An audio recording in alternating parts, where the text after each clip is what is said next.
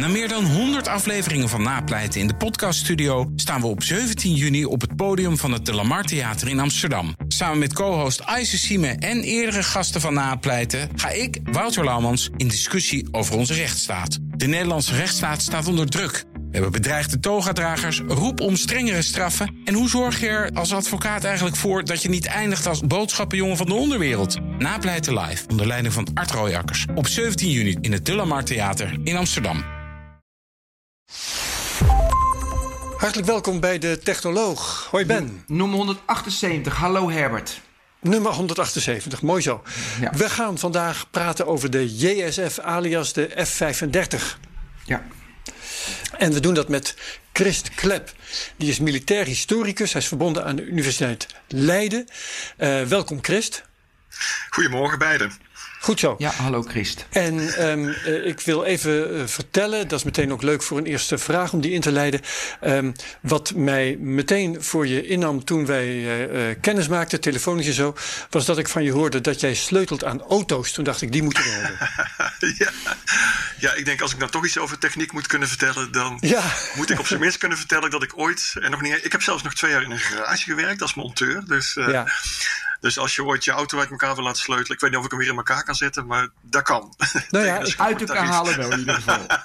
Nee, maar wat jij volgens mij zei, en ik geloof dat ik je citeer, dat, is, dat was: ik bouw auto's. Ja, ja, ik heb eh, twee auto's in elkaar gezet. Ik heb eh, Volkswagen cabriolets gebouwd. Eh, dat is alweer even geleden, moet ik, eh, moet ik eerlijk zeggen. Op een bepaald moment ga je trouwen. Ja, dat is dan makkelijk. Dan dat soort hoef je geen dak erop te zetten. Nee, precies. Eh, en die heb ik helemaal omgebouwd tot, tot ja, hele een knalrode Volkswagen cabriolets zijn dat geworden. Twee, twee zitters.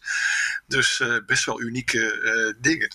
Ehm, en daar heb ik veel plezier. Daar heb ik tot op de dag van vandaag qua technische kennis denk ik nog steeds veel plezier van. Ja. Dat, dat, dat ik dat gedaan heb. En waar zijn die heen gegaan? Rij je er zelf in? Zijn, je... Nee, nee, nee, die zijn alle twee verkocht. Eh, ik, ik geloof niet dat ik een geheim verklap als ik zeg dat, het, eh, dat één van de twee auto's was een verjaardagscadeautje voor een jongen van 18 die nog geen rijbewijs had. maar zijn vader eh, die kwam proefrijden en die vond het wel een goed idee om, eh, om zijn zoon een leuk cadeau te geven. Dat was in toenmalige prijs was dat 8000 gulden. Dus dan kun je wel Nou. nagaan dat dat een heel behoorlijk verjaardagscadeau is geweest. eh. Nou, Ja. zeg dat wel. Ja, ja, ja. Ja. Oké. Ehm, ik vergeet trouwens nog één belangrijke hoedanigheid van jou te vermelden. En dat is dat jij een boek hebt geschreven. Je bent auteur van het boek Dossier JSF. Yes, En, klopt. en ehm, dat is uit eh, 2014. En daarin beschrijf jij de hele besluitvorming en ook allerlei technische aspecten van eh, dat toestel. Dat, eh, voor wie het niet weet, eh, geacht wordt onze F-16's te vervangen. Maar ja, dat Ja. is. eh, ja, dat zal langzamerhand ook bij, zelfs bij leken wel ongeveer bekend zijn. Nou ja, het is een heel interessant verhaal, want we hadden 200 zoveel, ik dacht 212 F-16's ooit. En eh, die zouden vervangen worden door, nou ik weet het rijtje niet meer precies, maar ze zijn groter en duurder en, en eh, eh, aanvankelijk 86 F-35's en uiteindelijk zijn het er 37 geworden en is nu zelfs nog de vraag of we dat gaan halen. Klopt dat? Nou, sterker nog, ja, sterker nog Herbert, het is, eh, we zijn ooit begonnen met een één op één vervanging. Dus het zouden er zo rond de 200 worden. Oh. Toen werden het er eh, goed 120. Toen werden het er inderdaad 86. En toen bleek inderdaad dat we ook dat niet eh, konden betalen. Dat had overigens ook te maken met de bezuinigingen natuurlijk op defensie in het algemeen. Daar kon de luchtmacht bij wijze van spreken zelf niks aan doen. Het vredesdividend moest geïncasseerd worden. En ja, wat gaat er dan als eerste de deur uit? Dat zijn de grote wapensystemen, want zo heet het dan. En dat was de Joint Strike Fighter inderdaad, ja. Klopt. Ja, oké. Eh, ja, waar te Mag beginnen? eerst even vragen, moeten nou eigenlijk F35 zeggen of de JSF? Ik les, Ja, dat is een- dat is een hele zelf goeie. zeg het liefst F35. Want Ja, nou daar heb je helemaal gelijk. Dan, ben je, dan hoor je tot de clubje deskundigen, want het hoort inderdaad Oh, 35 te zijn. Eh, Gelukkig. de Joint Strike Fighter is ooit bedacht om het eh, internationale karakter en het feit te benadrukken dat het een toestel was wat zowel voor de marine als voor de luchtmacht eh, eh, bruikbaar was. En dat is langzaam maar zeker is dat de F-35 Lightning 2 geworden. De Lightning 1 was een toestel uit de Tweede Wereldoorlog. En de Lightning 2 is, zit dus in de traditie van Lockheed, Lockheed Martin. Lockheed Martin is de bouwer. En hebben ze Ja. het toestel traditioneel Lightning 2 genoemd. Oké, En dan hebben ze de F35A, dat is voor normale startbanen. Een verticaal is de B. Een vliegtuigscheep is dan de F35C. Dat zijn weer de, zeg maar, de verschillen. Wat ik voornamelijk interessant vind, is dat ze, wat je begonnen over Lockheed Martin, dat ze tegelijkertijd wilden ontwikkelen, testen en produceren. Klopt, ja, dat noemen we. Dat vind ik een manier van bouwen, ja, mooi. Ja, maar zullen we het eerst even hebben, als, sorry dat ik uh, dit, dit mooie verhaal alweer ja. onderbreek.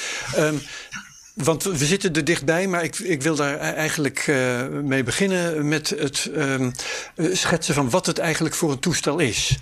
Uh, want ja. dat is natuurlijk belangrijk. We, ik wil graag weten, wat zijn we aan het vervangen, die F-16? Wat is het voor een ding, wat kan die? En die F-35, wat is dat voor een ding, wat kan die? En waarom kan die wat die kan? Kun je dat soort dingen aan ons duidelijk maken... voordat we het gaan hebben over nou ja, hoe die gebouwd wordt... en de politieke besluitvorming, allemaal belangrijk. Maar wat is het? Ja, het, is, eh, het moet eigenlijk de ruggengraat eh, worden of blijven, zou je kunnen zeggen, van eh, de Koninklijke Luchtmacht en van de meeste westerse luchtmachten ook. En dat is vanuit de gedachte dat bemande gevechtsvliegtuigen, zeg maar straaljagers, nog steeds de ruggengraat van die luchtmacht zijn. Nou, de luchtmacht heeft er dus altijd op aangedrongen de F-16 uit de jaren 70 is intussen verouderd. Het is een toestel met een beperkte radar uh, bijvoorbeeld, hè, die dus eigenlijk niet meer opgewassen is tegen moderne systemen. Het heeft niet meer uh, de, de afweersystemen, hè, de elektronische afweersystemen, om bijvoorbeeld boven uh, een willekeurig groot land te vliegen. Laten we het maar even noemen, de Russen of de mhm. Chinezen. Mm -hmm. En dat moest dus worden vervangen door een, een, toestel dat er eigenlijk hetzelfde uitziet. Hè? Bedoel, als je de F-16 naast de JSF, de F-35 zet, dan zie je veel gelijkenissen. Het is nog steeds een, een, een, een slanke eenmotorige Oh ja, ik, ik, ik, vond die F-35 uh, altijd een wat logge indruk maken. Ja, ja het, is, uh, het is een toestel, maar dat geldt ook voor de F-16. Dat hij heeft niet voldoende aerodynamische uh, eigenschappen om eigenlijk van zichzelf uh, goed te kunnen vliegen. Dus als de motor uitvalt, dan valt hij al heel snel naar beneden. Um, en het toestel, ja, het toestel wordt eigenlijk in de lucht gehouden door de computers. De, het zijn de computers die het toestel voortdurend in balans houden. En ja, als dat ooit zou uitvallen, er zit gelukkig wel een, een driedubbele backup ja. in, dan zou het toestel eigenlijk als Maar was er bij de F-16 niet ook aerodynamica betreft niet bijzonder. Ja, dat was zeker bij de F-16 ook zo. Ja. Er zijn ook heel veel van gecrashed. Hè? Dat, ja. uh, uh, we zijn ongeveer een derde van de toestellen kwijtgeraakt uh, aan dat soort dingen. Maar goed, het komt er dus op neer dat, dat de F-35 gewoon in, in concept niet zo heel veel anders is. Hè? Het is nog steeds een eenmotorige eenzitter.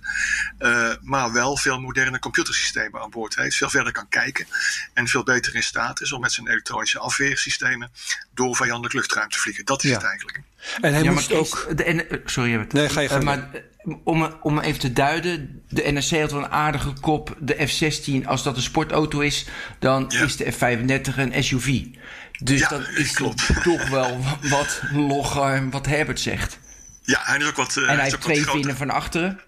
Ja, hij is, hij, is, hij is, complexer. Uh, er zit ook, uh, wat ik al zeg, het, het, concept zelf is eigenlijk onveranderd gebleven. Maar dat is eigenlijk al sinds de Tweede Wereldoorlog zo. Ik vergelijk het wel eens met tanks. Hè. De tanks van de Tweede Wereldoorlog zien er eigenlijk nog uit als de tanks van tegenwoordig. De verbetering zit er vooral in wat in het, uh, het toestel zit. Um, en je zou kunnen zeggen dat, het wordt wel vaak gezegd dat de F-35 eigenlijk een vliegende computer is. Hij wordt ook wel een, een elektronische quarterback genoemd. Nou, we kennen allemaal American football, hè, dus een spel die uh, zorgt dat hij met zijn moderne elektronisch systeem en zijn hele krachtige radar eigenlijk in staat is om heel veel andere, wat minder capabele toestellen aan te sturen. Het, het de verbetering zit er veel meer van binnen dan van buiten. En is het niet zo, dat is tenminste de herinnering die ik eraan heb, dat het uh, ja, uh, ook een, je kunt het zeggen een vliegende computer, maar het is misschien ook een vliegend Zwitsers mes, want iedereen zijn verlanglijstje moest erin opgenomen worden. Allerlei verschillende partijen, allerlei verschillende landen, allerlei verschillende legeronderdelen, die wilden hun dingetje erin hebben en dat moest er allemaal ingeperst worden. Zit ik er dan naast? Klopt. Nee, daar zit je er absoluut niet naast. En dat is ook een van de grote problemen geworden van het toestel. Het was eigenlijk al vanaf het begin te zwaar. Dus er moest een uh, afslankprogramma komen. Daar is dus letterlijk een team opgezet, hè, dat beroemde afslankteam. En dat kreeg letterlijk de opdracht van bekijk alle onderdelen van het toestel. En probeer nog zoveel mogelijk ruimte te creëren. Kijk, in een F-16 kon je bij wijze van spreken de panelen openschroeven, openklappen. En dan zat er altijd nog wel ergens ruimte of je kon het aan de buitenkant hangen. Dit toestel, de F-35, kan dat niet. Uh, want dan verliest het dus, en daar zullen we het nog over hebben, denk ik, zijn steltcapaciteiten.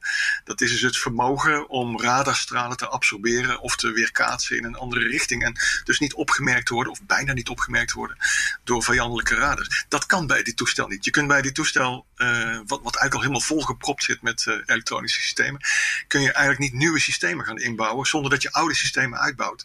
En dat blijkt nu bij de modernisering want we zijn eigenlijk al, het is fascinerend, hè? we zijn nu al bezig, terwijl het toestel ingevoerd wordt, met de modernisering van het toestel. Uh, Dat blijkt bij dit toestel uh, ongelooflijk ingewikkeld te zijn. Ja. Die ruimte is er gewoon niet. Kun je ook even vertellen hoe het op dit moment staat met uh, de invoering? Want volgens mij is er, zijn er één of twee van die testtoestellen intussen in Nederland. Hoe ver zijn we? Nou, we zijn nu zover dat we er tien hebben. Uh, we hebben twee uh, toestellen hier in uh, Leeuwarden staan. Dat wordt de eerste basis waar die komt. Dat zijn twee toestellen die worden vooral gebruikt voor testdoeleinden. Dus wordt heel simpelweg gekeken. hoe vliegt die in het Nederlandse luchtruim? Kan die tegen de weersomstandigheden? past die in de hangars? is, is het onderhoudssysteem in Leeuwarden voldoende? Want er komt best wel veel bij kijken. Het toestel moet bijvoorbeeld heel erg goed gekoeld worden. Omdat die zo ontzettend heet wordt, de computers. Dus dat is één ding. De, de andere acht toestellen die we tot nu toe hebben aangeschaft... die staan in Amerika. En dat zal veel mensen verbazen, maar we zullen permanent een derde van de toestellen uh, in het buitenland hebben staan. En dat is voor de training. Het is wel fascinerend om te zien dat je een derde van je toestellen moet reserveren. Uh, een stuk of tien om uh, een apart squadron op te richten, eigenlijk in Amerika, om daar je Nederlandse piloten te kunnen opleiden. Dus die, dat aantal toestellen ben je eigenlijk al kwijt in de totale optelsom. En toen we nog 220 F-16's hadden, was dat allemaal niet zo'n probleem. Weet je wel, dat kon je gewoon tegen elkaar wegstrepen. Mm-hmm. Maar uh, in dit is, hier is het wel een uh, probleem. En ja, het andere uh, probleem wat we op dit moment hebben is ehm, ja, toch het geld weer. De, de, de, financiën.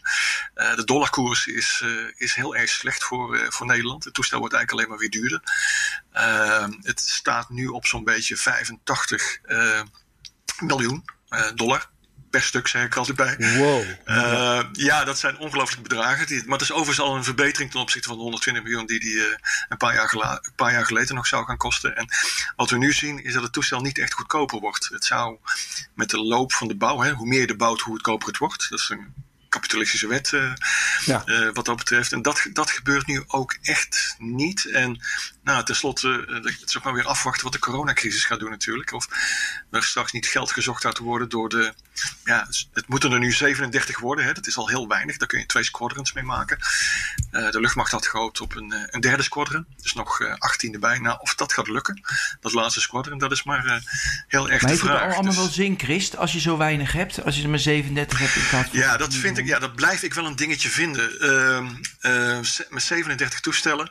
Uh, nou ja, daarvan heeft de Algemene Rekenkamer, hè, dus dat zeg ik niet eens, maar dat zegt de Algemene Rekenkamer al gezegd. Nou ja, als je bijvoorbeeld een buitenlandse missie zou moeten gaan uitvoeren, hè, in Irak of Afghanistan of Syrië, dan zou je er eigenlijk, met wat moeite vier permanent de deur uit kunnen krijgen. He, dus dan zou je uh, een, missie met vier toestellen langere tijd kunnen volhouden. Ja, veel mensen zeggen dan hè, bij spreken bij Unilever of bij Philips. Nou, dat is wel een heel slechte businessplan als je dat uh, 37 toestellen en je kunt er vier permanent inzetten.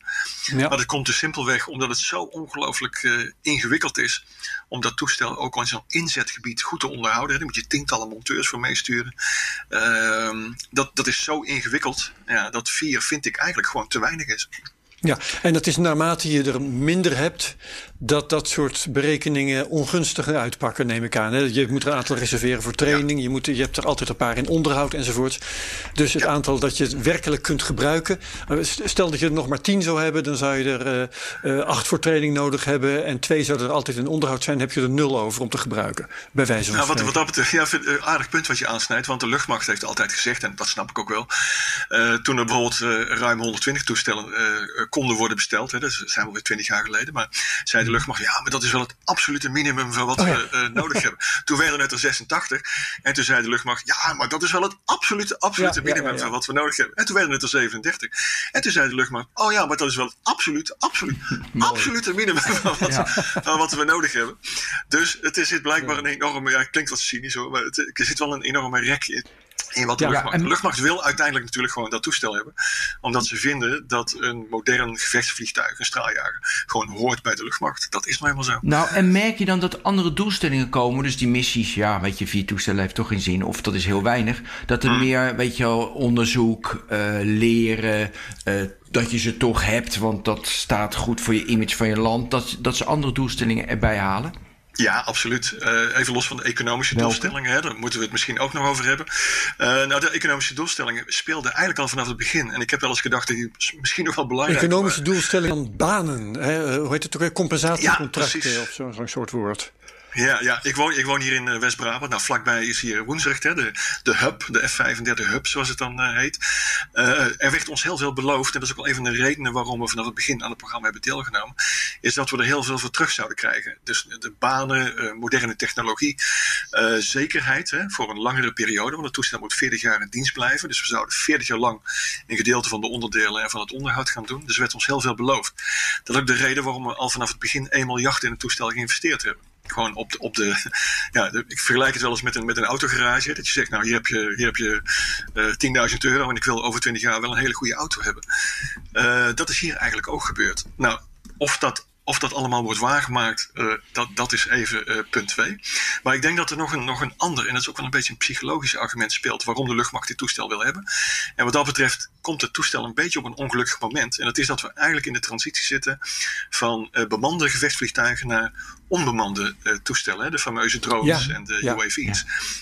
En uh, de vraag die nu een beetje gaat spelen is: ja, we moeten met dit toestel nog 40 jaar door. Hè? Dat, uh, over 40 jaar spreken we waarschijnlijk al niet eens meer over bemande toestellen, want dat is gewoon veel te gevaarlijk gezien de steeds evoluerende luchtafweer die steeds beter wordt.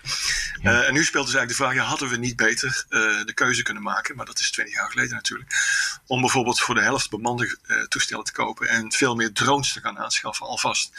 Ja, we hebben er nu vier, we, hebben, we gaan vier drones kopen. En sommige mensen zeggen nu, en ik ben er eentje van, die zeggen, nou, hadden we niet meer gehad aan een flink aantal drones? Maar goed, dat is natuurlijk een discussie die nu alweer een beetje achterhaald ja, Ja, ja. Wat, wat, wat mij verbaast, uh, maar misschien is die vraag bij jou aan het verkeerde adres hoor. Uh, als ik bij de luchtmacht uh, hiervoor verantwoordelijk zou zijn, dan zou ik me na al die tijd, hè, van, van 200 zoveel naar 37, ik zou me zwaar opgelicht voelen zo langzamerhand. Dat ik er maar, ja. ik zou waarschijnlijk zeggen, mijzelf kennende, ja weet je, dan hoeft het niet. Dan heb ik er niks aan. Maar dat zeggen ze blijkbaar niet. Ja, welkom bij het fenomeen dat heet a system that is too big to fail. Oh ja. Want daar hebben we het hier in feite over. Uh, wat natuurlijk vanaf het begin gebeurd is, is dat heel veel landen, een stuk of 14, 15, eigenlijk al onze bondgenoten, hebben gezegd van nou, dat moet hem worden. De JSF, de F-35, dat gaat onze nieuwe straaljager worden. Onze standaard straaljager, onze opvolger voor de F-16. Toen dat besluit eenmaal genomen werd, uh, en dan hebben we het eigenlijk al over de jaren 90, zei de fabrikant en zei het Amerikaanse ministerie van Defensie, nou oké. Uh, dit project gaat dus uh, nooit en te nemen meer falen. Wat er ook gebeurt, ja. hoe lang het ook duurt. En we zitten nu al op een vertraging van acht jaar. Hè? Ik, bedoel, uh, ik, ik, ik, verbaas me wel eens en ik, ik, ik moet ook wel eens glimlachen als mensen van de luchtmacht zeggen: Nou, het project is een groot succes. Stel je voor dat je een auto had besteld en je krijgt hem acht jaar na dato. Komt de dealer en zegt: Nou, hier heb je hem. Ja. Uh, en een groot succes, hè, meneer, dat u deze auto na acht jaar uh, krijgt. Ik bedoel, dat, dat speelt natuurlijk helemaal niet zo. Maar dit, dit project is vanaf het allereerste begin, en, en dat zal de luchtmacht nooit zo zeggen natuurlijk, een, een project too big to fail geweest. En datzelfde argument geldt eigenlijk voor de Nederlandse luchtvaartindustrie. Hoewel al die beloftes niet echt waargemaakt worden, zegt de luchtmacht: ja, we kunnen er nu niet meer mee stoppen, want we hebben er nu al zoveel in geïnvesteerd. Dus welkom in de wonderenwereld van a project that is too big to fail.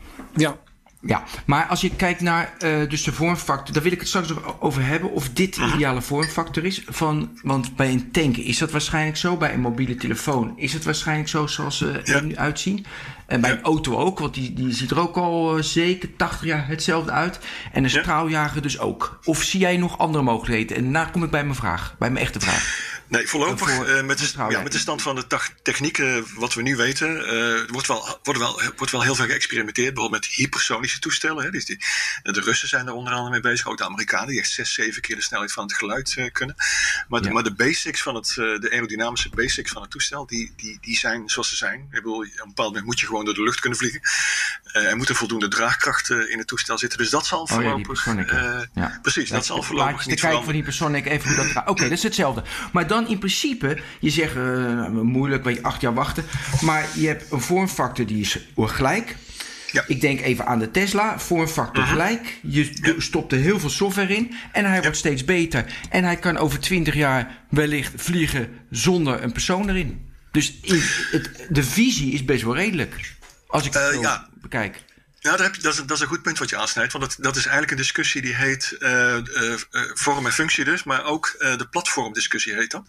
En de mhm. platformdiscussie zegt eigenlijk, en dat is een grote discussie die nu... In de, dat is eigenlijk precies jouw vraag, die ook in Amerika is losgebarsten. Is wat is nou eigenlijk de beste keus? Moeten we doorgaan met het verder ontwikkelen van wat we hebben? Hè? Dus we gaan de JSF eindeloos gebruiken onder het allerlaatste uit te peuteren wat erin zit hè, gedurende de komende 40 jaar? Of zeggen we gewoon, nou, we bouwen gewoon een veel simpeler uh, toestel. Uh, we, bouwen, we pakken gewoon een toestel wat we al hebben. Uh, in Amerika is dat de F-18 bijvoorbeeld, Hornet. En daar hangen we zoveel toestellen aan, dat heet module werken. als we een bepaalde missie gaan uitvoeren met dat, met dat oudere toestel, dan pakken we er gewoon de componenten uit. Hè. Dus we doen letterlijk het luikje open, we pakken het toestel, we pakken het element eruit wat we niet nodig hebben. En we stoppen er iets in wat we wel nodig hebben. En zo pas je dus het platform, zoals het dan heet, het toestel, mhm. pas je dus eigenlijk aan aan de missie. En dat is dus een wezenlijk ander concept dan wanneer je zegt van ja, het, het toestel is niet meer echt wijzigbaar. Hè. Je, kunt niet zo heel veel meer met de JSF in vorm en, eh, en inhoud. Dus wat je dan gaat doen, is dat je alles uit het toestel peutert uh, wat erin zit door voortdurend de software te veranderen, door voortdurend enzovoort enzovoort. Uh, het zou ironisch zijn, uh, maar dat vind ik wel een leuk punt dat je dat aansnijdt. Het zou ironisch zijn dat over twintig jaar besloten wordt om van een bemand gevechtsvliegtuig een onbemand gevechtsvliegtuig te maken.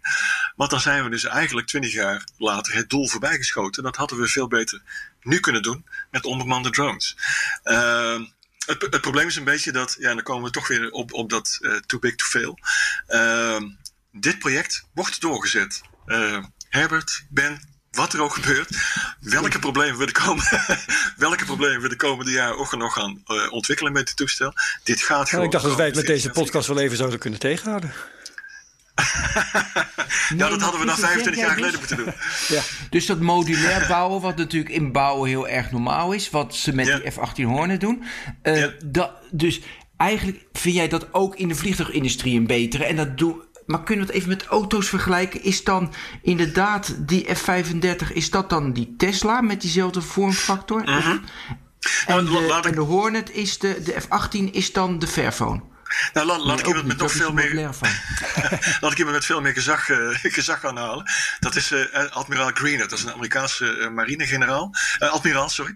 En die heeft dit platformdenken een beetje geïntroduceerd bij de marine. En de Amerikaanse marine wordt wel gezien als uh, top of the bill. Hè? Top Gun, dat kennen we allemaal wel. Uh, top Cruise enzovoort enzovoort. Dat zijn gewoon de beste Ik ben piloten. opgegroeid, jongen. Ja, dat vinden ze zelf ook natuurlijk. Hè. Zij zijn gewoon de beste piloten met de beste spullen. Uh, dat is ook wel logisch, want ze moeten boven zee vliegen. Dus het moet allemaal wel, wel werken. En ze moeten weer op dat vliegtuigschip kunnen landen. Dus die zeggen van, die, da, daarvan merk je op dit moment dat ze beginnen te twijfelen aan dat Tesla-concept. En zij zeggen eigenlijk van, wat we eigenlijk nodig hebben is platforms. Veel meer platforms. Platforms met een groter bereik. Want het bereik van de, J's, van de F-35 is niet bijzonder groot. Is niet groter dan de toestellen uh, die we al hebben. Um, en zij zeggen dus, nou, als we nou eens wat meer platforms maken. Dus we pakken gewoon die F-18 Hornet. Uh, en die specialiseren we tot bepaalde toestellen. Dus we maken een F-18 Hornet die ongelooflijk goed is in elektronische oorlogvoering. Daar bouwen we er twintig van. We zetten op elk vliegdekschip zetten we er twee weg. Ja. En dat probleem is opgelost. Dat kunnen we veel minder met dat manetje van alles, hè, die, die, Tesla, die die uh, F35 is. Want daar zijn wat je ermee kunt simpelweg beperkt. Nou, dat is wel een, een, fascinerende discussie op dit moment. En dat uit zich onder andere in het feit ja, dat je bij de marine nu ziet, nu er ook weer technische problemen zijn met dat toestel, hun versie, de F35C, dat de marine zegt van nou moeten we niet eens gaan nadenken over het aanschaffen van minder F-35C's en het aanschaffen van meer Hornets. Dat vind ik wel kenmerkend. Ja, je noemt de technische problemen die er zijn. En misschien een goed moment om, om het daar eens over te gaan hebben. Um, ik heb er een paar. Ik zal ze eerst even op, opsommen. Uh, drie, dat is waarschijnlijk een redelijk willekeurige greep. Ik las een uitgebreid stuk over uh, de omstandigheid dat hij uh, eigenlijk niet raak kan schieten. Dat is één. Um, ja. Dat er um, maar een zeer beperkte hoeveelheid munitie meegenomen kan worden. En ook die stealth-eigenschappen, zoals jij dat die, die kondigde jij net al aan, dat we daarover moesten gaan, moesten gaan hebben. Hij is moeilijk te zien via de radar. Uh -huh. um, maar ja. dat schijnt ook uh, ja, maar tijdelijk te zijn eigenlijk. Dus ja, welke pak jij het liefst het uh, eerst bij de kop? Nou, laten we beginnen met het schieten. Want ja. dat, dat, doet het natuurlijk altijd goed. Ja, het, het, het toestel uh, moet uh, een aantal andere toestellen vervangen. Inclusief de F-16. Maar in Amerika ook de A-10. De A-10 is eigenlijk een soort vliegende tank. Uh, dat is eigenlijk een kanon met vleugels uh, eraan, zou je kunnen zeggen. Die wordt heel veel gebruikt voor, een grappig detail, het toestel, de A-10 is eigenlijk ontwikkeld in de jaren 80 om Russische tanks tegen te houden in de, in de, in de vlaktes van Duitsland. Ja. dat heeft een zo ongelooflijk krachtig kanon en kan iets van 1500 granaten geloof ik uh, afschieten. Nou, zet dat eens even tegenover de F-35. Uh, die kan er een goede 100 afschieten. Uh, bij een vuursnelheid van zo'n, nou, een beetje afhankelijk hoe je hem instelt, kan je ongeveer een seconde vuren. Ongeveer anderhalf seconde vuren. Dan is Dan moet je weer naar huis. het magazijn leeg. Dan moet je weer naar huis. En een van de problemen die heel veel landmachters hebben, dus dat zijn de mensen die op de grond ondersteund moeten worden, die zeggen van ja, wat leert de ervaring in Irak, in Afghanistan de afgelopen jaren, maar dat was in Vietnam ook al zo, is dat we luchtondersteuning nodig hebben die er een tijdje kan zijn. Ja. dus uh, de situatie op het slagveld is altijd vloeibaar, hè, zoals het dan heet. Uh, de vijand duikt plotseling op. En dan willen wij binnen een minuut of vijf of tien willen we goede luchtsteun hebben. En niet luchtsteun die na een paar seconden weer weg moet. Uh, boeiend detail in Amerika bijvoorbeeld is dat er nu door de landmacht is aangedrongen op een vergelijkende studie tussen de F-35, ja, je gelooft het niet na 20 jaar, een vergelijkende studie tussen de A-10 en de F-35 over hun vermogen om grondtroepen te ondersteunen. Dat rapport, dat A-10-rapport, is tot op de dag van vandaag, surprise, surprise, geheim. Ja. um, wat mij een beetje doet vermoeden dat de conclusie is dat de A10 veel beter is. Ook al is het een toestel van 30 jaar oud. Veel beter ja. is het het ondersteunen uh, van de grondtroep. Dus dat is, dat is één aspect. Het tweede aspect, het toestel schiet niet recht. Pardon? Dat is uh, als je gaat schieten, ja, toch wel een belangrijk element. Wat blijkt, uh, het toestel, uh, het, het, nou, er zijn verschillende verklaringen voor, maar het heeft een boordkanon. Hè. De F-35-versie A is de enige die een boordkanon aan boord heeft, dus dat is in het toestel ingebouwd. Hij schiet als het ware over de schouder, hij zit net achter de cockpit. Um, en hij blijkt niet alleen heel weinig granaten te kunnen afschieten, maar die granaten komen ook niet op het doel.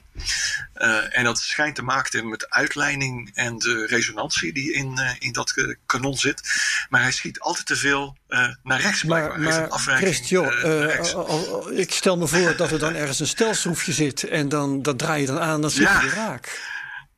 Is dat nee, dit is tot op de dag van vandaag. Ja, tot op, nou niet van jou, maar tot op de dag van vandaag, twintig jaar later, is dus nog steeds een structureel probleem. Wow. Er is blijkbaar iets misgegaan bij het inbouwen van, uh, van dit kanon. Er is, een, is echt iets structureels mis met de. Ik bedoel, dat geeft natuurlijk een enorme energie hè, als je dat soort granaten gaat afschieten. Ja. Uh, het zijn stevige granaten, dus een grote viltstift uh, is het eigenlijk. Uh, en die moeten natuurlijk uh, moeten met hoge snelheid worden afgevuurd. Dus er moet een grote, zoals dat heet, kinetische energie in die, uh, in die granaten zitten. En die moeten bovendien zo snel afgevuurd worden dat ze over een langere afstand, 500 meter, een kilometer, uh, bijna geen afwijking ja. hebben. Dat is dus, ja, ballistisch gezien heet het dan dus een aardige uitdaging. Maar heb je nog steeds dat granaten worden afgeschoten waarbij je moet mikken? Is het niet dat ze altijd zelf hun doel kiezen? Van tevoren ja, ingesteld, dat... ik ga dat raken. Nee, dat is bij deze, want het is eigenlijk een grote mitrailleur hè, die, er, die erin zit. Uh, oh. Een beetje, okay. uh, ja, wat ik al zeg, een grote veldstift uh, formaat zijn het, zijn het eigenlijk. een volgende ontwikkeling zou kunnen zijn, inderdaad, dat het zelfsturende kogels, granaten worden. Maar die zijn dan weer zo duur dat ze nauwelijks aan te schaffen zijn.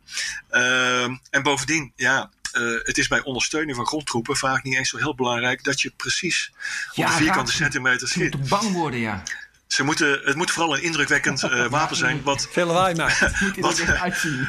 Voor, de, voor degene op de grond, hè, bedoel, ik dat. Uh, uh, ja, er is een, een mooie uitdrukking voor. Dat is spreading. Hè. Je, je, sproeit eigenlijk granaten over een bepaald ja. gebied heen. Omdat je grote groepen mensen op de grond wil raken. Ehm, ja, dat kan dit toestel niet. Daar komt het eigenlijk op neer. Wauw. De radar. De radar. Uh, en kan ik dat in combinatie doen met de stelt? Dat is misschien ja, het, dat is wat ik bedoel. Het, ja, ja, zeker. het beste. Ja, uh, ja de stelt. Uh, stelt kennen we, zullen de meeste luisteraars wel kennen als het principe waarbij je uh, radarstralen eigenlijk absorbeert of afleidt van het toestel. Het toestel is nooit helemaal onzichtbaar. Je kan zoveel 10.000 kilo heet metaal nooit onzichtbaar maken natuurlijk als het door de lucht vliegt met 1000 km per uur. er zijn eigenlijk twee, twee principes achter stelt. Dat is dat de romp uh, gedeeltelijk de stralen absorbeert. Hè. Dat is een soort coating uh, die erop ja. zit. En het tweede principe is dat, uh, zeker op de korte band, dus hoogfrequentie radarstralen, dat zijn de radarstralen die het meest gebruikt worden door afweerradars, dat door de vorm van het toestel de meeste stralen worden afgebogen. Uh, als je lange uh, uh, golflengtes gebruikt, dus trage radarstralen zou je kunnen zeggen, dan wordt het toestel weer beter zichtbaar. Maar dat, dat beeld wat dat oplevert is dan weer zo vaag. dat je er niet echt wapensystemen aan kunt koppelen. Nou, wat, wat, wat blijkt nu, en dat is de eeuwige, voor mij als militair historicus, hele interessante vraag. het is altijd een strijd tussen de aanvaller en de verdediger. Natuurlijk. dus de aanvaller ontwikkelt iets en de verdediger, dat kennen we al uit de middeleeuwen met de, met de stedelijke muren en de kanonnen, dat speelt nu weer. Uh, het probleem is alleen dat uh, toen het toestel ontwikkeld werd, 20, 25 jaar geleden, de gedachte was dat het nog wel een x aantal jaren zou duren voordat er iets op gevonden zou worden. Omdat die stelt dan toch ongedaan te maken. Wat, wat blijkt intussen? Dat we bij de invoering van het toestel al zover zijn dat verschillende fabrikanten en landen zeggen: Nou ja, we, hebben eigenlijk al de techniek om dat, uh, om dat te doen, om dat toestel te detecteren in de lucht. Ehm, het probleem is nu nog een beetje dat we de radarsystemen, of sorry, de wapensystemen de luchtdoelraketten, mm-hmm. eraan moet koppelen. Nou, de voorspelling is bij heel veel bedrijven dat dat over een paar jaar zal gebeuren. En dan doet zich dus een fascinerende situatie voor dat uh, over een jaar of vijf, zes, als in Nederland de F-35 definitief is ingevoerd, hè, we alle 37 toestellen hebben, het best wel eens zo zou kunnen zijn al klaar is. dat er lucht, dat er luchtafweersystemen zijn uh, uh, in, in China, in Rusland, die dat toestel zouden kunnen ontdekken. En daarmee is eigenlijk, vind ik, 50% van dat unique selling point uh, van de, van de F-35, dat die onzichtbaar is voor, betrekkelijk onzichtbaar is voor de radar, zou ongedaan ja, maken. Ja. ja, terwijl ik dan denk andere coating en je hebt het weer opgelost. Ja, nou dan, dan mag jij dat betalen, Ben. want dan, want, uh, dan, ga je dus eigenlijk, dan, dan ga je dus eigenlijk een heel ander toestel bouwen. Want dat is dus het probleem met, met, de, met de F-35. Het is een concept, het is een Tesla. Uh, dus als je een andere coating zou willen gaan installeren op het toestel, bouw je eigenlijk een ander toestel. Het is een geïntegreerd geheel. Hè? Het, is, het, is, ja. het, is geen, het is geen Lego-doos. Het is niet. Is, weer niet die F-18, ja, waar we het net over hadden. Precies. Uh, er zijn, om een voorbeeldje te noemen, als het toestel beschadigd zou raken, op wat voor manier dan ook op de startbaan, of door steenslag of uh, door, door uh, luchtafweer, dan moet er dus gespecialiseerd personeel aan te pas komen om die hele fijne laag weer te herstellen. Dat is een, een, een, maandenlange opleiding om dat alleen al te kunnen doen. Ehm, ik, dat was ik, toch ja. die grap in Leeuwarden met die introductie? Dat ja, met het schuim, ja. Dat was toch hilarisch? Ja, dat is helemaal, dat is door, de, door de luchtmacht moet je daar ook niet over beginnen. Als je, van. maar het is wel fascinerend dat het toestel blijkbaar al onmiddellijk kwetsbaar blijkt voor iets heel simpels als, uh, als blusschuim. En dat het ja, toestel ja. dan helemaal geïnspecteerd moet worden om te kijken of het steltcapaciteit dus je moet de, Nou, als dat al kwetsbaar ja. is. Jeetje, je moet met, uh, met je luchtafweergeschut moet je erop schieten met blusschuim. Dan, uh...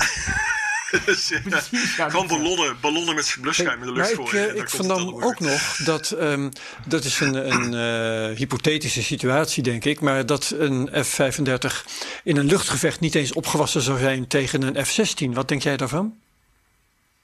Ja, dat is, dat is inderdaad een discussie die uh, al een tijdje loopt. Uh, de verdedigers, de, de aanhangers van de F-35 zeggen ja, maar het toestel zal waarschijnlijk nooit in een luchtgevecht terechtkomen, omdat het zulke goede sensoren heeft, zo'n goede radar heeft, uh, zulke goede lange afstandswapens. Iedereen rent heeft, gewoon hard het, weg. Ja, de piloten, Ja, precies. De piloot die in, in, in de luchtgevecht terechtkomt, die heeft iets heel fundamenteels uh, verkeerd uh, gedaan. de tegenstanders daarvan zeggen van, nou, dan moet eerst alles werken. Dus alle, alle systemen moeten perfect werken. En dan is dat inderdaad zo. Maar de, ja, war is shit, hè, zeggen ze wel eens. als er iets verkeerd kan gaan, Murphy's Law in oorlog, dan gebeurt het ook. Um, de aanhangers van de F-35 redeneren in een, in een, vind ik, een perfect scenario. En dat is dat ze uh, probleemloos kunnen opstijgen van hun luchtbasis, uh, rustig naar het uh, inzetgebied kunnen vliegen en daar als een soort quarterbacks kalmpjes kunnen rondvliegen. Wat, wat gebeurt er in werkelijkheid waarschijnlijk? En het is die vliegbasis worden natuurlijk aangevallen. Dus het is maar de vraag of al die toestellen de lucht in kunnen komen. Werken ze allemaal? Werken al die toestellen? Zijn de ondersteunende radarsystemen aan onze kant ook allemaal in actie? Functioneren die allemaal? Dus dat complete netwerkplaatje, je zou bijna weer de Tesla kunnen noemen, dat complete netwerkplaatje moet wel 100% werken voor dit toestel om te werken. Komt het dan toch in de problemen? Dus komt het toch in een luchtgevecht? Ja, dan is het wel interessant om te zien dat oorspronkelijk dat niet eens de bedoeling was. Het oorspronkelijk was nadrukkelijk, ja. zeiden ook de fabrikanten, de Lockheed Martin, zei: het is geen dogfighter. Het is geen, geen toestel dat een, een, een gevecht met een ander toestel kan aangaan. En nu opeens, de afgelopen vijf, jaar, vijf, zes jaar, zegt de fabrikant: nee, maar het is een fantastische dogfighter. Hij kan uh, allerlei dingen die andere toestellen niet kunnen, waarvan zelfs ik en iedereen die het een beetje volgt, dachten: ja, maar wacht eens even. Wordt nu de taak bij het toestel verzonnen of wordt het toestel bij de ja. taak verzonnen? En ik, ik, denk eerlijk gezegd dat het laatste het geval is, uh, als ik eerlijk ben. Ja, um, zullen we het eens hebben over de, de besluitvorming? Um, want uh, dat viel mij wel op, ook bij het lezen van jouw boek, dat um, Nederland uh, ik geef nu eventjes maar weer hoe ik het heb ervaren. Dat Nederland de hele tijd braaf aan de leiband van de Verenigde Staten loopt. Terwijl andere landen zoals uh, Noorwegen en uh, met name ook Israël. Die hebben wat meer ballen en die eisen wat meer. En houden ook eens een keer op met, met bestellen. Um, ja, geef jouw weergave daarvan eens. Ja, de, uh, er wordt wel gezegd dat de, de Koninklijke Luchtmacht de 51ste staat van de Verenigde Staten is. Uh, en volgens mij uh, klopt het ook wel. Er is geen andere optie geweest voor de luchtmacht, maar dat is eigenlijk al sinds de Tweede Wereldoorlog zo, dan het kopen van Amerikaans materieel. Ik bedoel, ja. Zweeds materieel, de Saab bijvoorbeeld, Frans. of Frans ja. materieel, dat zo is ondenkbaar. Dat, dat gaat de luchtmacht simpelweg niet doen. Ze willen Amerikaans. Daar valt ook wat voor te zeggen. Ik wil zeggen, waarom is het? De ja. grootste bondgenoot. Okay. Ja, het is de grootste bondgenoot. De Amerikanen zeggen zelf dat ze de beste technologie hebben. Daar valt allemaal uh, wat voor te zeggen. Uh, het probleem is denk ik meer dat we als Nederland totaal uh, meer dan een aantal andere landen denken die ook de F-35 kopen. Israël is daar het grootste voorbeeld van. Dat Nederland eigenlijk heeft gezegd, en ook met die belofte, hè, de, wortel van al die economische winst, heeft gezegd van nou, we geven eigenlijk de besluitvorming uit handen. Ik denk dat je zelf wel mag zeggen dat wij op die totale besluitvorming sinds dat besluit in 2002 geen enkele invloed meer hebben gehad. Politiek niet, er zijn eindeloos veel kamervragen gesteld. Uh, de prijs van het toestel hebben we geen enkele controle op. De technische specificatie van het toestel, daar hebben wij geen enkele controle op. Ja, en dan is de parallel met Israël. Het is een beetje een appels en peren uh, vergelijken natuurlijk. Uh, Israël is natuurlijk een ja, een bijzonder land uh, wat dat betreft. Een land in de frontlinie, uh, zou je kunnen zeggen. Uh, Lockheed Martin heeft ook altijd gezegd: ja, het simpele feit dat Israël dit toestel koopt, is een bewijs dat het een heel goed toestel is. want anders zou Israël dat niet doen. Maar, maar, wat Israël natuurlijk doet, is dat zij hebben afgedwongen. En dat hebben de Noren voor gedeelte ook gedaan. die bouwen hun eigen raket in. dat de Israëli's hebben gezegd: nou, we willen het toestel best kopen, maar dan mogen we er zelf aan sleutelen. Mm -hmm. en dat hebben de Israëli's inderdaad afgedwongen. en wat blijkt nu? Dat de Israëli's in staat zijn om eigenlijk met hun eigen nationale wapenindustrie, die natuurlijk heel geavanceerd is, uh, allerlei verbeteringen aan te brengen in een toestel. En dat vind ik wel kenmerkend, dat een land als Israël dat niet alleen mag. Uh, Israël is een van de weinige landen die in de software mag sleutelen. Uh, dat is al heel ja. bijzonder, die er, die er eigen wapensystemen onder mag hangen.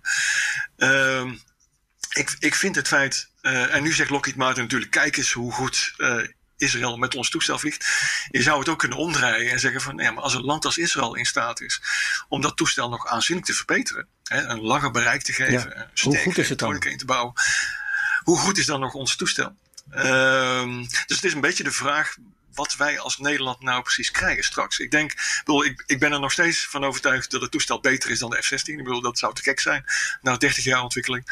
Uh, maar ik vraag me wel een beetje af of dat over 10 jaar nog steeds zo is, wat wij nu eigenlijk precies gekocht hebben. Ja, dus even terug dat samen ontwikkelen, testen en produceren. Ja. Dat, dat is nu dus dus dat gebeurt nu niet meer. Maar Israël doet het wel. Waarom geven ze die informatie dan niet aan ons en aan Lockheed Martin terug, zodat, het, zodat iedereen daarvan profiteert? Ja, er spelen eigenlijk twee, dingen, Ben. Dat is uh, ten eerste dat uh, het, het, het bouwprincipe, we noemen het net al even, was die concurrency. Hè? Dus uh, ja. het maakte eigenlijk niet uit welk land je was of welk krijgsmodel je was, hè? of je nou luchtmacht of marine was. je kocht een verschillende versies, A, B of C, al nagelang het land of het krijgsmodel. En dat zou voor 90% hetzelfde zijn. Uh, wat blijkt intussen? De toestellen zijn nog maar voor 30% hetzelfde. Dus 70% is intussen zo ver doorontwikkeld in elk van die versies. Uh, dat je eigenlijk drie verschillende toestellen bouwen kunt. Dus dat, is het, dat is het eerste punt. Hè. Dat, dat, brengt er, dat, dat brengt ook eigenlijk de prijs zo ontzettend uh, omhoog. Want je kan er wel heel veel bouwen, maar je bouwt eigenlijk drie verschillende toestellen. En het grappige is, hoe heet het toestel ook weer? De Joint Strike Fighter. Het zou één toestel worden voor alle doeleinden. Ja. Nou, dat blijkt ja. dus niet zo te werken. Ja, het tweede uh, is inderdaad, uh, Israël heeft bedongen dat alle technologie die ze inbouwen in Israël zal blijven. Uh, dat, dat is ook ergens wel heel begrijpelijk. er valt geld mee te verdienen. er zit geheimhouding aan natuurlijk. Hè. Je, je, gaat dat niet zomaar over de hele wereld verspreiden natuurlijk. dus ik denk dat de verbeteringen die Israël aanbrengt, die zullen wij niet terugzien in onze toestellen. Daar ben ik wel van overtuigd. Maar Lockheed Martin ook niet. Dus ze hebben niet daar een gezamenlijke, ik geef jou de code en dus het is echt helemaal. Dus ze bouwen er nee, het, weer verder op, op dat platform. Nee, het, wat, wat Israël eigenlijk doet, is uh, verder ontwikkelen uh, op basis van de specifieke uh, eisen die Israël stelt. Hè. Israël uh, zit natuurlijk in een ongelooflijk uh, ontvlambare regio en moet daar bepaalde taken, moet langere afstand kunnen vliegen bijvoorbeeld. laten we gewoon op de, de paard, paard in de bek kijken, zeg je dat? Man en paard noemen. Naam noemen. man en paard noemen, dat was het. Ja. is dat het toestel moet bijvoorbeeld in staat zijn om naar Iran te vliegen. Nou, dat, is een, dat is een behoorlijke afstand uh, voor een gevechtsvliegtuig. Dus daar heeft Israël zijn eigen technologie voor ontwikkeld. Daarvan is wel duidelijk dat, uh, uh, of dat nou wel of niet, het gebeurt allemaal in overleg met Lockheed Martin natuurlijk. Maar nee, ben, de, die technologie ja. die gaat niet via Lockheed Martin terugstromen naar ons, zeg maar. Dat gaat niet gebeuren. Waarom heeft Nederland. Oh, sorry, Ben, ga je gang. Ja, ik wil even, want ik zit de hele tijd in mijn hoofd met die Tesla-vergelijking. ik twijfel het of die goed is. Maar ik ben er nu uit. Die Tesla moet je, voor mij moet je die F35 vergelijken met de Tesla, zeg maar, hardware versie 1. Als je dan, weet je, daar zaten niet al die camera's in. Dus als je hardware versie 2, ja, dan moet je de hele auto, dan moet je allemaal camera's erin bouwen. Dat is dus echt anders. Maar nu zegt Tesla wel bij die hardware versie 3, die ze, die ze nu hebben, nou, hier kunnen wij wel een jaar of tien mee vooruit. En dan gaan we alleen maar software vervangen. Dus Precies. En, en, dan is het wel inderdaad, weet je, we kunnen tien jaar vooruit. Dat is dus de F35 en we gaan alleen software vervangen. Dus dan klopt die vergelijking. Dus ik zat even te zoeken. Dus die wilde ik even nog helder hebben. Nou, als je, als je dat, uh, wil, als je het er toch over hebben. We zijn intussen bij blok 4 uh, software updates. Uh, ah. Dat is de laatste van acht hoofdupdates. En we, het toestel moet nog gaan vliegen, hè? het moet nog wel operationeel worden. maar er zijn nu al acht grote upgrades, software upgrades. Ja, wat blijkt, die, die software uh, die ontwikkelt zich zo snel. En dan zitten we ook weer bij uh, ja, het onderhoudssysteem wat daarbij hoort. Dat heet uh. Alice. dat wordt nu geschrapt. ja, je voelt al een beetje de woordspeling aankomen. Alice doesn't live here anymore. is, is dan het liedje wat je erbij haalt. En er moet een heel nieuw digitaal onderhoudssysteem bijgebouwd worden. Dan zou je zeggen, nou ja goed. Hè, om de parallel met de Tesla even door te trekken. Nou, dan ga ik naar een andere garage die een betere, beter onderhoudssysteem heeft. Nee, de Alice, dat onderhoudssysteem, was niet alleen, was niet alleen bedoeld voor uh, de onderdelen en voor uh, de slijtage in het toestel, maar was eigenlijk het, het, het complete netwerk, de baarmoeder zou je kunnen zeggen, de elektronische baarmoeder van het toestel. Hier gebeurde alles. Hier, ja. plande, hier konden piloten hun, hun vluchten gaan plannen. Hier zat een hoop intelligence, inlichtingen zat hierin. Dus het simpele feit dat deze baarmoeder, digitale baarmoeder, nu moet worden vervangen door een andere digitale baarmoeder. Ja, dat zegt wel iets. We zijn, laten we niet vergeten, 20 jaar verder. Hè? We zijn 20 jaar verder in het ontwikkelen van dit digitale systeem. En nu blijkt dus dat het niet werkt. Ja, dat vind ik verontrustend uh, als ik ja, eerlijk ben. Ja, is het gewoon niet allemaal veel te moeilijk voor de mens? Om de ja, ik, ja, te krijgen? Ja. Um, een, een van de uh, dat kan unique soms, selling... soms zijn dingen. Ja, nou, nee, dat is een hele goede. Uh, een van de unique selling points van het uh, toestel in de jaren 80, eind jaren 80, was dat het juist een, een eenvoudig toestel zou worden. Hè. Het zou een beetje alle F-16 worden, wat ook als een betrekkelijk eenvoudig toestel altijd is gezien. Echt een dogfighter. en dat zou de JSF ook worden. Dat zou de F-35 ook worden. Nou, wat blijkt in de loop van de tijd, en dat was wel een beetje voorspelbaar, de luchtafweer wordt steeds sterker. Het aantal eisen wat je stelt als een toestel. Want de marine willen wat in hebben, de luchtmacht uh, willen wat in hebben, de Israëliërs, Israëliërs willen wat in hebben, de Noren willen er wat in hebben. Dus dat softwarepakket, dat groeide exponentieel. We begonnen met 5 miljoen of zo. Uh, computerregels. En nu zijn het er al 25 miljoen. Uh, en dan hebben we het alleen maar over de basic software uh, die erin zit. En dat zal ongetwijfeld de komende jaren met, met 5, 6, 7, 10 fout toenemen. En de vraag is inderdaad of wij over 10 of 15 of 20 jaar als Nederland, hè, BV Nederland, in staat zullen zijn om die technologische ontwikkeling niet alleen te volgen, maar nog veel belangrijker ook te betalen. Want we, we, gaan nu al een paar honderd miljoen aan onderhoud betalen hè, aan die toestellen, aan die 37. Uh, Zo'n vluchtuur kost al snel uh, ja, tussen de 20 en de 70.000 euro. Hè. Dat zijn de, de, prijzen waar je het. Uh, ja. ja. dat is meer dan een Tesla, zeg ik altijd. Ja. waar, waar je het hoewel de onderhoudsbeurten bij de Tesla ook erg geheel te zijn, is wie, wie, gaat dat, wie, gaat dat, uh, wie gaat dat allemaal betalen over 10 of 15 jaar? Ja, en daarvan zegt de luchtmacht. Ja, de, de belastingbetaler. En daarvan zegt de luchtmacht dus nu nee, maar dat valt allemaal wel mee. Maar ja, dat is een argument wat we nu al 20 jaar horen. En ik ben daar niet zo gerust op, uh, eerlijk gezegd. Ja. En ik wil zo graag weten waarom uh, stelt Nederland zich toch zo onderdanig op. Als je het vergelijkt met Israël, ja, dan snap ik het voor een deel wel. Want Nederland heeft niet die unieke strategische ligging van Israël. Nederland heeft geen eigen wapenindustrie. Nederland heeft geen goed georganiseerde lobby in Washington. Dat is allemaal op zichzelf wel duidelijk. Maar je kunt toch je een heel klein beetje zakelijk opstellen. Um, ik bedoel, uh, als het gaat om de, de prijs van het ding. Hè, uh, als het gaat om compensatieorders. Dat je gewoon in de overeenkomst. Want er zijn bossen overeenkomsten gesloten, stel ik me voor. En dat je daar toch een paar garanties uh, op zijn minst in uh, van de zoveel orders is in elk geval gegarandeerd en zoveel gaan we gewoon voor in uh, aanbestedingen. die prijs, oké, daar kan natuurlijk wat. Die dollarkoers kunnen we misschien niet alles aan doen, maar dit is dan toch de limiet en anders dan gaan we misschien minder doen. Waarom doet Nederland helemaal niets van dat soort dingen? Ja, en dan zijn we, dan zijn we los van het psychologische argument. Hè, wij zijn uh, altijd al een heel loyaal land geweest richting Amerika. Wij zien Amerika uh, echt nog steeds, dat klinkt als een cliché, als onze grote bondgenoot. Ja. Uh, als onze grote technologische Ja, maar dat zou dan toch ook weer beloond mogen worden, denk ik dan. Dat is de omgekeerde van, van Nee, nee, ja, dat, mochten, mochten we, mochten we, ja, ik snap het, maar mochten we dat ooit gedacht hebben in de loop van de jaren, nee, Nee, nee, zo werkt het gewoon niet. Ik wil, als, als Lockheed Martin nu gewoon tegen Nederland zegt: luister, het is wel een afspraak, maar dat gaan we gewoon niet nakomen hoor. Ja. Um, zijn met zo gaat het. Bedoel, dat staat. Dat staat niet in die contracten, of dat wordt in ieder geval uh, niet zo gezegd, maar, of het wordt wel zo gezegd. Uh, dan hebben wij als Nederland geen poten op te staan. Ja. Want wij willen simpelweg die 37 toestellen hebben. Uh, het is niet veel ingewikkelder dan dat volgens mij. Hm. Ik wil ja. even de.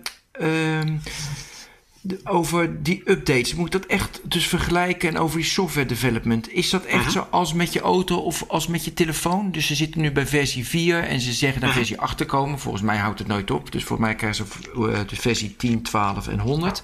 -huh. Mhm. Uh, en dan krijgen ze gewoon één keer en dan draaien ze gewoon een beetje testen, simulaties en dan krijgen ze een update. Is dat precies hetzelfde of, is het, of zit het anders? Ja, het is, het is eigenlijk een, een, een, een samenspel van factoren waarom je steeds moet gaan uh, upgraden. En dat moet eigenlijk dagelijks gebeuren. Uh, bijna. Ten eerste ontdek je natuurlijk in de loop van de tijd steeds meer fouten uh, in het systeem. Een van de fouten die bijvoorbeeld ontdekt werd bij de B-versie is dat je. er wordt heel veel geprojecteerd aan de binnenkant van het vizier van de piloot. Dat is eigenlijk een soort dashboard aan de binnenkant van je vizier. Nou, dat bleek niet goed te werken. De, uh, vooral s'nachts viel dat opeens uit. Dat moet allemaal hersteld worden. Daar moet een enorm softwarepakket op worden losgelaten. Voordat je dat. Dus dat is A. Uh, je moet heel veel lopende problemen moet je oplossen.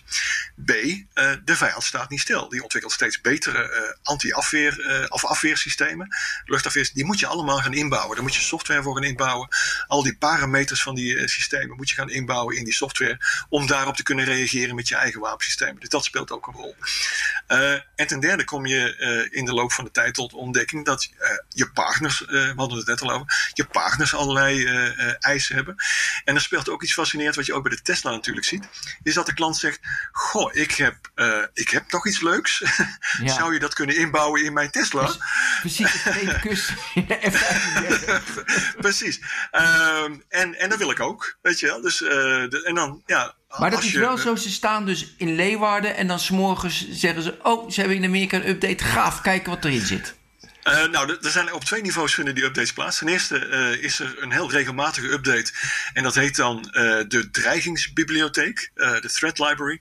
Ehm, elke dag opnieuw, elke week opnieuw, elke maand opnieuw mhm. komen er nieuwe, komt er nieuwe informatie uit. Daar kan je bij wijze van spreken op abonneren over nieuwe luchtafweersystemen in China, in Noord-Korea, in, in Rusland. Dat moet allemaal in, in de algemene software gezet worden. En ten tweede, ja, heb je dus dat samenspel waar we het net over hadden. Ja, je ontdekt ja, ja, lopende fouten enzovoort enzovoort. En dat zijn de grotere softwarepakketten. Die moeten uh, fasegewijs geïnstalleerd worden. Een van de problemen die nu bijvoorbeeld speelt, is dat de uh, allereerste modellen, dus de eerste serie, en dan begint dat concurrency dus weer te spelen. Uh, het was eigenlijk de bedoeling dat het toestel, heel, dat was bij de F-16 zo, helemaal ontwikkeld zou worden, helemaal uitgetest zou worden en dan zou gaan vliegen. Nu zit je met het probleem dat je nog heel veel problemen ontdekt, ook in de software, terwijl je al aan het vliegen bent. Ja, dan betekent dus dat je zo'n toestel even, nou, vaak dagen of weken uit de lijn moet plukken, hè, van de vliegbasis moet plukken, even naar de fabriek terug moet en uitgebreid geüpdate uh, moet worden. Nou, al die updates moeten weer getest worden natuurlijk. Dus je bent dat toestel gewoon letterlijk kwijt. Daarvan heeft de fabrikant op dit gezegd, nou, op dit moment gezegd, nou, de allereerste toestellen die we gebouwd hebben, die zijn nu al zo achterhaald, kan je het voorstellen, zijn nu al mhm. zo achterhaald dat we daar eigenlijk niks meer aan hebben. Uh, dus de luchtmacht en de, het Pentagon denken er nu al serieus over na om die toestellen maar gewoon te gaan gebruiken voor andere doeleinden. Dat, die zijn niet meer operationeel te maken, die zijn nu eigenlijk al. Maar wat is dan achterhaald? Dus niet de hardware, dus niet uh, ook, ook, de, ook de hardware.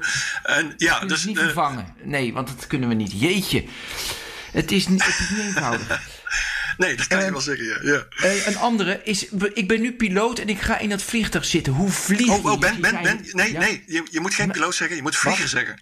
Oh, oh, ja, oh, bij, de, bij, de luchtmacht, bij de luchtmacht heet dat, heet dat een vlieger. Ja, ik, sorry, okay. maar ik, ik Nee, heel goed dat je het zegt. Nee, want dat wist nee, maar waarom is dat? De, oh, ik, ik wist het ook wel snel. Hoe je dat zegt, wil ik ook horen waarom dat zo is. Wat is er mis met het woord piloot? Ja, dat, dat is hetzelfde. Dat is dezelfde reden waarom uh, uh, artsen uh, hun, hun, jargon hebben. En dat is toch omdat je jezelf wil onderscheiden ja, ja, van de rest okay. natuurlijk. Nou, precies. Nee, maar waarom zeg je geen Rusland, maar moet je Sovjet-Unie zeggen? Uh, waar, waarom zeg je uh, uh, geen piloot, maar vlieger? Dat is omdat een vlieger zich wil onderscheiden van ja. een piloot. Want een piloot dat is eigenlijk een vrachtwagenchauffeur. Ja, in, de, in de Formule 1 moet juist weer wel met, piloot heten en niet bestuurder of iets dergelijks. Precies, exact. Oké, okay, begrijp We zijn eruit. Helder, goed zo. Oké, okay, maar ik ben die vlieger. Dus je zei net, alles zit in zijn scherm, weet je wel. Dus dat is allemaal augmented reality, gaaf. Maar kun je beschrijven wat, wat, voor technologieën waar hij tegelijkertijd rekening moet houden? Wat is de gebruiksvriendelijkheid in zo'n vliegtuig? Ja, een van, een, van, de problemen die het toestel probeert uh, op te lossen is eigenlijk het, het centrale probleem van, uh, kijk bijvoorbeeld naar de film Top Gun, uh, dat een, een vlieger ongelooflijk veel informatie moet ehm, incasseren, zou je bijna zeggen, om goede besluiten te kunnen nemen. En wat de F-35 eigenlijk pretendeert, is dat die taak voor een groot gedeelte wordt overgenomen door het toestel zelf. Dus het toestel heeft zoveel sensoren aan boord en de belangrijkste daarvan is de DAS, dat is het Distributed Aperture System. Dat zijn eigenlijk uh, een hele reeks met camera's om het toestel heen. Dus het toestel kan 360 graden om zich heen kijken. Sterker nog, de piloot kan in de binnenkant van zijn scherm naar beneden kijken. En kijkt dan eigenlijk door de bodem van het toestel heen. Uh, los van het feit of je dat, dat is een leuke gadget natuurlijk, of je dat ooit, ooit nodig uh, zou hebben. Ja. Maar het, de sensoren uh, geven de piloot eigenlijk zoveel informatie en vertalen dat bovendien in behapbare brokken dus de, het toestel zegt letterlijk tegen de piloot: daar is de dreiging en dit moet je doen. Dus druk op die knoppen. Uh, en dan zal uh, de piloot dat voor je doen. Het is, wel, is wel aardig dat uh, heel veel critici van de JSF en van de F-35 nu ook zeggen: van ja, maar dit, dit is eigenlijk geen gevechtspiloot meer. Dit is geen Top Gun meer. Dit is eigenlijk gewoon ja, op, op knoppen drukken. Ja. Ja, precies. Moet je niet zeggen tegen een vlieger. Maar nee, maar dan krijgt Ben toch gelijk dat het al bijna een drone is. Je kunt tegen dat vliegtuig zeggen, doe het dan zelf. Ja, zet er gewoon een pop in. Die knop niet drukken. nou ja, dat, dat, maar dan zijn we dus weer bij de discussie van de platforms en de drones. Uh, of het inderdaad niet beter zou zijn geweest. En een, wat ik heel interessant vind, is dat de, een van de toekomstige taken, hè, want dat evolueert natuurlijk steeds, voor de F-35 in Amerika is nu dat hij dus als een soort quarterback gaat dienen voor een serie drones. Ja, dat is een interessante ontwikkeling. Ja. Ja, dus dan, dan uh, de, de, de, F-35 wordt eigenlijk als quarterback, de, gaat vanwege zijn sensoren, die dus heel, heel sterk heeft, gaat hij een stuk of 10, 12, uh, 20 uh, kleinere drones aansturen.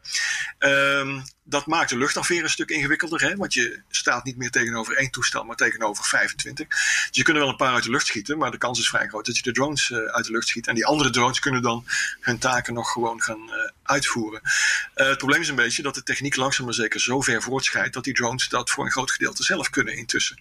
Dat zie je nu al gebeuren. Hè. De drones vliegen op 5.000, 6.000 kilometer afstand boven Afghanistan. zolang het luchtruim ehm, ja, zolang je dominantie hebt in het luchtruim, zoals het heet, dus je kunt er eigenlijk veilig vliegen, kun je al die taken ook heel goed met, uh, met uh, drones uitvoeren. Ja. En dat is op dit moment wel inderdaad een heel, heel groot debat. Waarom zou je vanaf Leeuwarden met een F-35 richting het Russische luchtruim vliegen, als je dat met lange afstandssystemen toch al wel voor een groot gedeelte kunt. Dat is een, toch wel een fundamentele discussie die ook onder militair op dit moment speelt. Ja. En um, je, de, die drones, dat, dat is al een vooruitwinning. Je, je bent militair historicus, uh, geschiedenis bestudeer je om ervan te leren en om uh, nou ja, te, ja. te adviseren of te waarschuwen voor de toekomst. Het slagveld van de toekomst, zijn daar duidelijke denkbeelden over uh, hoe dat eruit gaat zien en wat dat betekent voor zo'n zo'n vliegende laptop als de F-35 is? Ja, dat, daar komen we even terug op de discussie net. Hè? Van moet je, heb je nog bemande uh, gevechtsvliegtuigen uh, überhaupt ja. nodig of kan je dat inruilen tegen sensoren? Uh, daar komt het eigenlijk op neer. het is nu langzaam zeker wel duidelijk dat er een, een, balansverschuiving aan het plaatsvinden is tussen ja, wat dan in het jargon heet vuurkracht. Hè? Dus je, je kan veel bommen, veel raketten op bepaalde plekken brengen. Die worden langzaam maar zeker zo nauwkeuriger en ook ondersteund door elektronische systemen, dat die balans aan het verschuiven is. Hè? De, de, oorlog wordt steeds minder uh, heel veel bommen gooien en heel veel raketten afschieten. Uh, ik denk dat we de, wat we de afgelopen jaren uh, gezien hebben, daarvan eigenlijk de laatste tekenen zijn. En dat je langzaam maar zeker steeds meer ziet dat die oorlog gevoerd zal worden door elektronische systemen. En dat die platforms dus veel meer het elektronische gevecht zullen aangaan. Ben ik in staat om jouw systemen te infiltreren, te hacken en die kapot te maken? En lukt mij dat, ja, dan ben jij eigenlijk een, een groot stuk metaal wat, wat niemand meer wat dan heeft. dat is op dit moment een hele fundamentele discussie. En als ik dan nog één elementje mag toevoegen. De Amerikaanse marine, daar heb je ze weer, -hmm. de beste. Die zeggen van nou, om dat nou te voorkomen, hebben we juist bemande gevechtsvliegtuigen nodig. dus uh, de cyclus die ik als militair historicus zo ongelooflijk interessant vind, hè, dat, dat haasje over van denkbeelden, ja, dat zie je nu eigenlijk uh, buitelend en hortelend en stotend uh, over elkaar heen komen. En de aanleiding daarvoor, en dat vind ik wel weer heel fascinerend, is eigenlijk de F-35 en de rol die dat toestel moet gaan invullen. Ik, ik blijf dat een fascinerende discussie vinden. Maar wat is het argument van die marine dat ze zeggen... dan hebben we juist wel die F-35 nodig? Ja, dat, uh, dat is dus... met cyberwar gaan? Ja, dus, uh, dus ze zeggen eigenlijk van... Kijk, als, als die uh, cyberoorlog gevoerd is... en we hebben voor een groot gedeelte elkaar systemen doorgebrand, hè, kapot gemaakt... onschalig gemaakt, stuk gemaakt... dan zul je uiteindelijk toch nog, om de laatste klap uit te delen, hè, om die systemen echt fysiek te vernietigen, zul je toch weer oh. vuurkracht nodig hebben. en ja, het is een beetje een, een spiraal. Hè? Het is een beetje cyclisch denken, zou je bijna kunnen zeggen. Want ik kan je garanderen, over 10, 15 jaar zitten we in die discussie. Zitten we in de discussie over wat kunnen we kapot maken met elektronische uh, spullen en hoeveel vuurkracht hebben we dan nog nodig? hoeveel platforms hebben we dan nog nodig? En ik ben een beetje bang uh, dat dan zal blijken dat de F-35 eigenlijk zijn tijd alweer voorbij is. Dat dan we dan is het toe fijn kunnen... dat we MA37 hebben. Want dan is die tijd voorbij. Die hebben tenminste niet zoveel. Ja, die dan wel een hoop geld gekost hebben. En dan ja, zullen we dus wel, moeten ja. gaan nadenken over, over die drones. Ja, en maar dan duurt het wel weer een jaartje of tien. Maar geld in deze tijd, dat slaat ook helemaal nergens op. Want, nee, we drukken gewoon wat bij. Ik bedoel, uh, Ja, Precies. weer 92 miljard. Ik heb nog een vraag trouwens, uh, Chris. Um, ik, ik, moet terugdenken aan mijn middelbare schooltijd. Ik had een geschiedenisleraar. En die placht te zeggen: in de geschiedenis wisselen stellingenoorlogen en bewegingsoorlogen elkaar af. Ja. En de duidelijkste voorbeelden ja. zijn natuurlijk de Eerste Wereldoorlog, Loopgravenoorlog. En de Tweede Wereldoorlog, die veel dynamischer was um, en bewegelijker. Ja. Uh, gaat zoiets nog op? Of is dat in deze tijd totaal niet meer relevant, dat onderscheid? Nou, dat is uh, absoluut een, nog steeds een relevant onderscheid. En ik, ik, ik, ik, probeer dat even te vertalen in Leeuwarden bijvoorbeeld. Hè. Dat is eigenlijk een, een groot stuk asfalt. Uh, een stelling zou je, zou je bijna kunnen zeggen. Uh, en de grote klont metaal. wat vroeger een kanon was, is nu een, een JSF geworden. Een F-35 geworden, zeg maar. Dus dat zou je kunnen zien als hele herkenbare ouderwetse stellingen en aanvalsinstrumenten. Dat is gewoon het kasteel en de speren, zou je kunnen zeggen. Hè? De, ja. de, de, de, F-35 is eigenlijk niet veel meer dan een hele moderne Tesla-speer, zou je, zou je kunnen zeggen. Maar wat doet de tegenstander? Die denkt, hoe kan ik de accu uit die Tesla slopen? Uh, met mijn elektronische uh, ja. middelen. Daarvoor hoef ik niet eens naar Leeuwarden te komen. Ik kan dat vanuit een satelliet of ik kan dat vanuit een. En wat de Russen nu bijvoorbeeld uh, heel veel bouwen, dat zijn grote elektronische stoorzenders. Dat zijn jumbojet-achtige toestellen met enorm krachtige mm-hmm. stoorzenders erin. Dat is eigenlijk een heel oud concept. Dat kennen we eigenlijk al uit de Tweede Wereldoorlog. En dat wordt nu weer herontdekt, omdat de Russen denken: ja, kijk, we kunnen niet opbouwen tegen die Amerikanen. We kunnen niet uh, eindeloos veel Amerikaanse of Russische Tesla's uh, bouwen. Dus wat we wel kunnen, is heel veel uh, vrachtwagens bouwen, lader vrachtwagens bouwen. En daar hele sterke stoorzenders in, in zetten. En zo zie je dus dat soms doe je een stapje terug met moderne technologie. Soms doe je een stapje vooruit met oude technologie. En daarom is die, wat jij geleerd hebt op de middelbare school, Herbert, nog steeds wel heel erg relevant, denk ik. Dat haasje over, die Inkstensprong, die is nog steeds ja, bezig. Maar wat wordt dan de volgende oorlog?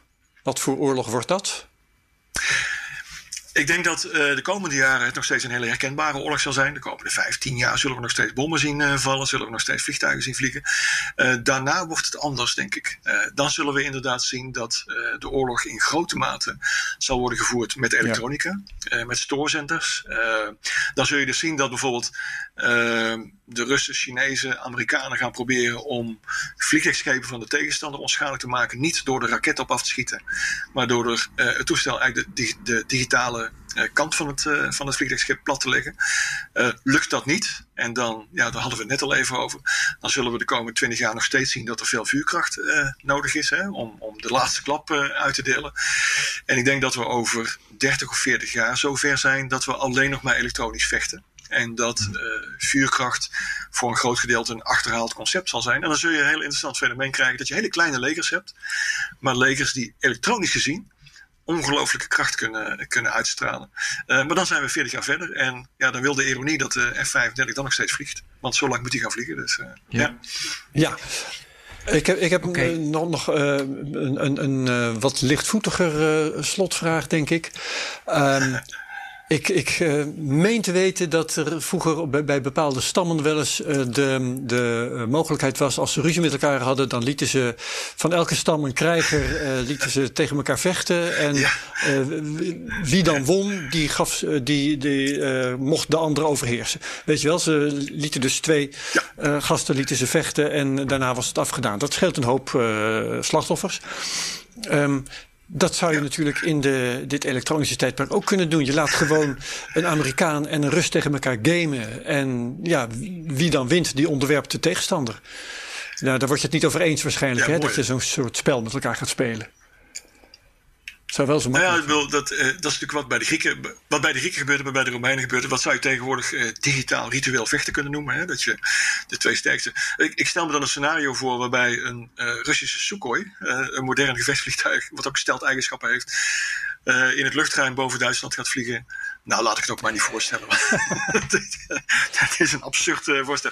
En dan te kijken wie de andere het eerst ontdekt. Ja, ja, ja. ja.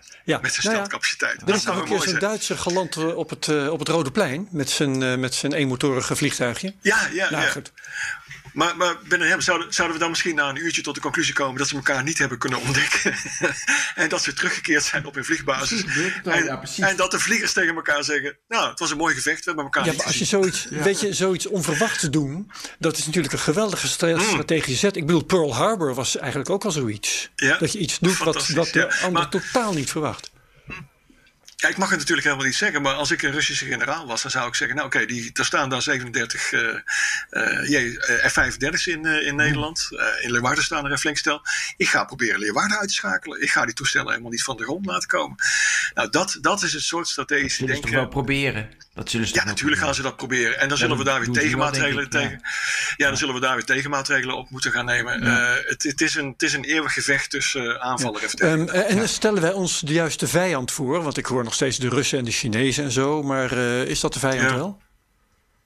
Ja, het- wat ik fascinerend vind is dat je na de, na, eh, de Tweede Wereld, of sorry, na de Koude Oorlog en nu eigenlijk na die periode van internationale missies hè, in de strijd tegen de terreur, eigenlijk weer een soort, nou mag ik het zo noemen, een hunkering ziet. eh, bij de krijgsmacht vooral, bij het militaire apparaat, overal in het Westen. Hè, hè, gelukkig. We hebben weer een goede ouderwetse vijand. eh, de Russen vijand, en de ja. Chinezen.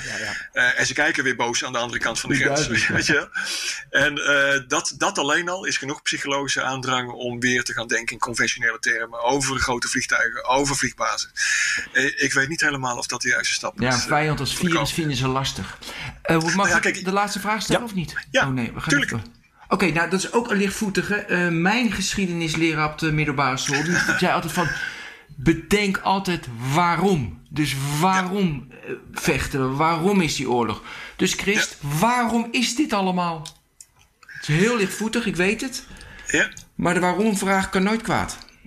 Nou kijk, bij, bij, een groot, bij een grote oorlog hebben we die vraag eigenlijk al beantwoord. Hè, want dan heb je die ESF natuurlijk eh, eh, nodig, zal de luchtmacht zeggen. Maar eh, ik, ik begrijp je vraag, want heel veel van de oorlogen die we afgelopen 10, 20 jaar gevoerd hebben... ja, dat waren eigenlijk eh, vredesoperaties. Hè, dat was in Afghanistan en in Irak. En daar hadden we zoveel controle over de lucht... dat we niet eens in de lucht oorlog hoefden te voeren.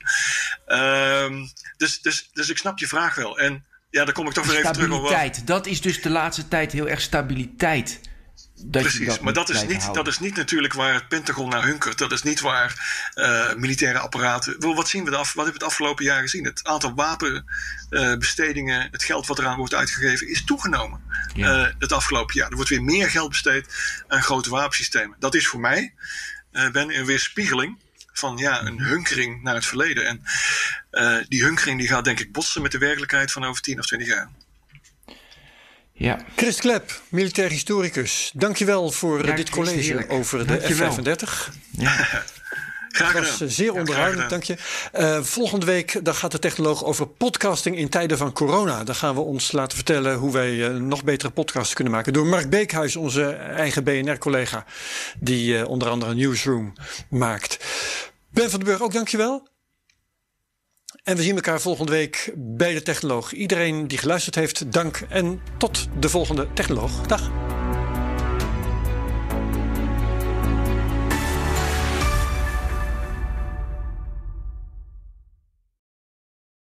Ook Thomas van Zeil vind je in de BNR-app. Je kunt live naar mij luisteren in Zaken doen, de BNR-app met breaking news, het laatste zakelijke nieuws en je vindt er alle BNR-podcasts, bijvoorbeeld Het Nieuwe Geld. Download nu de gratis BNR-app en blijf scherp.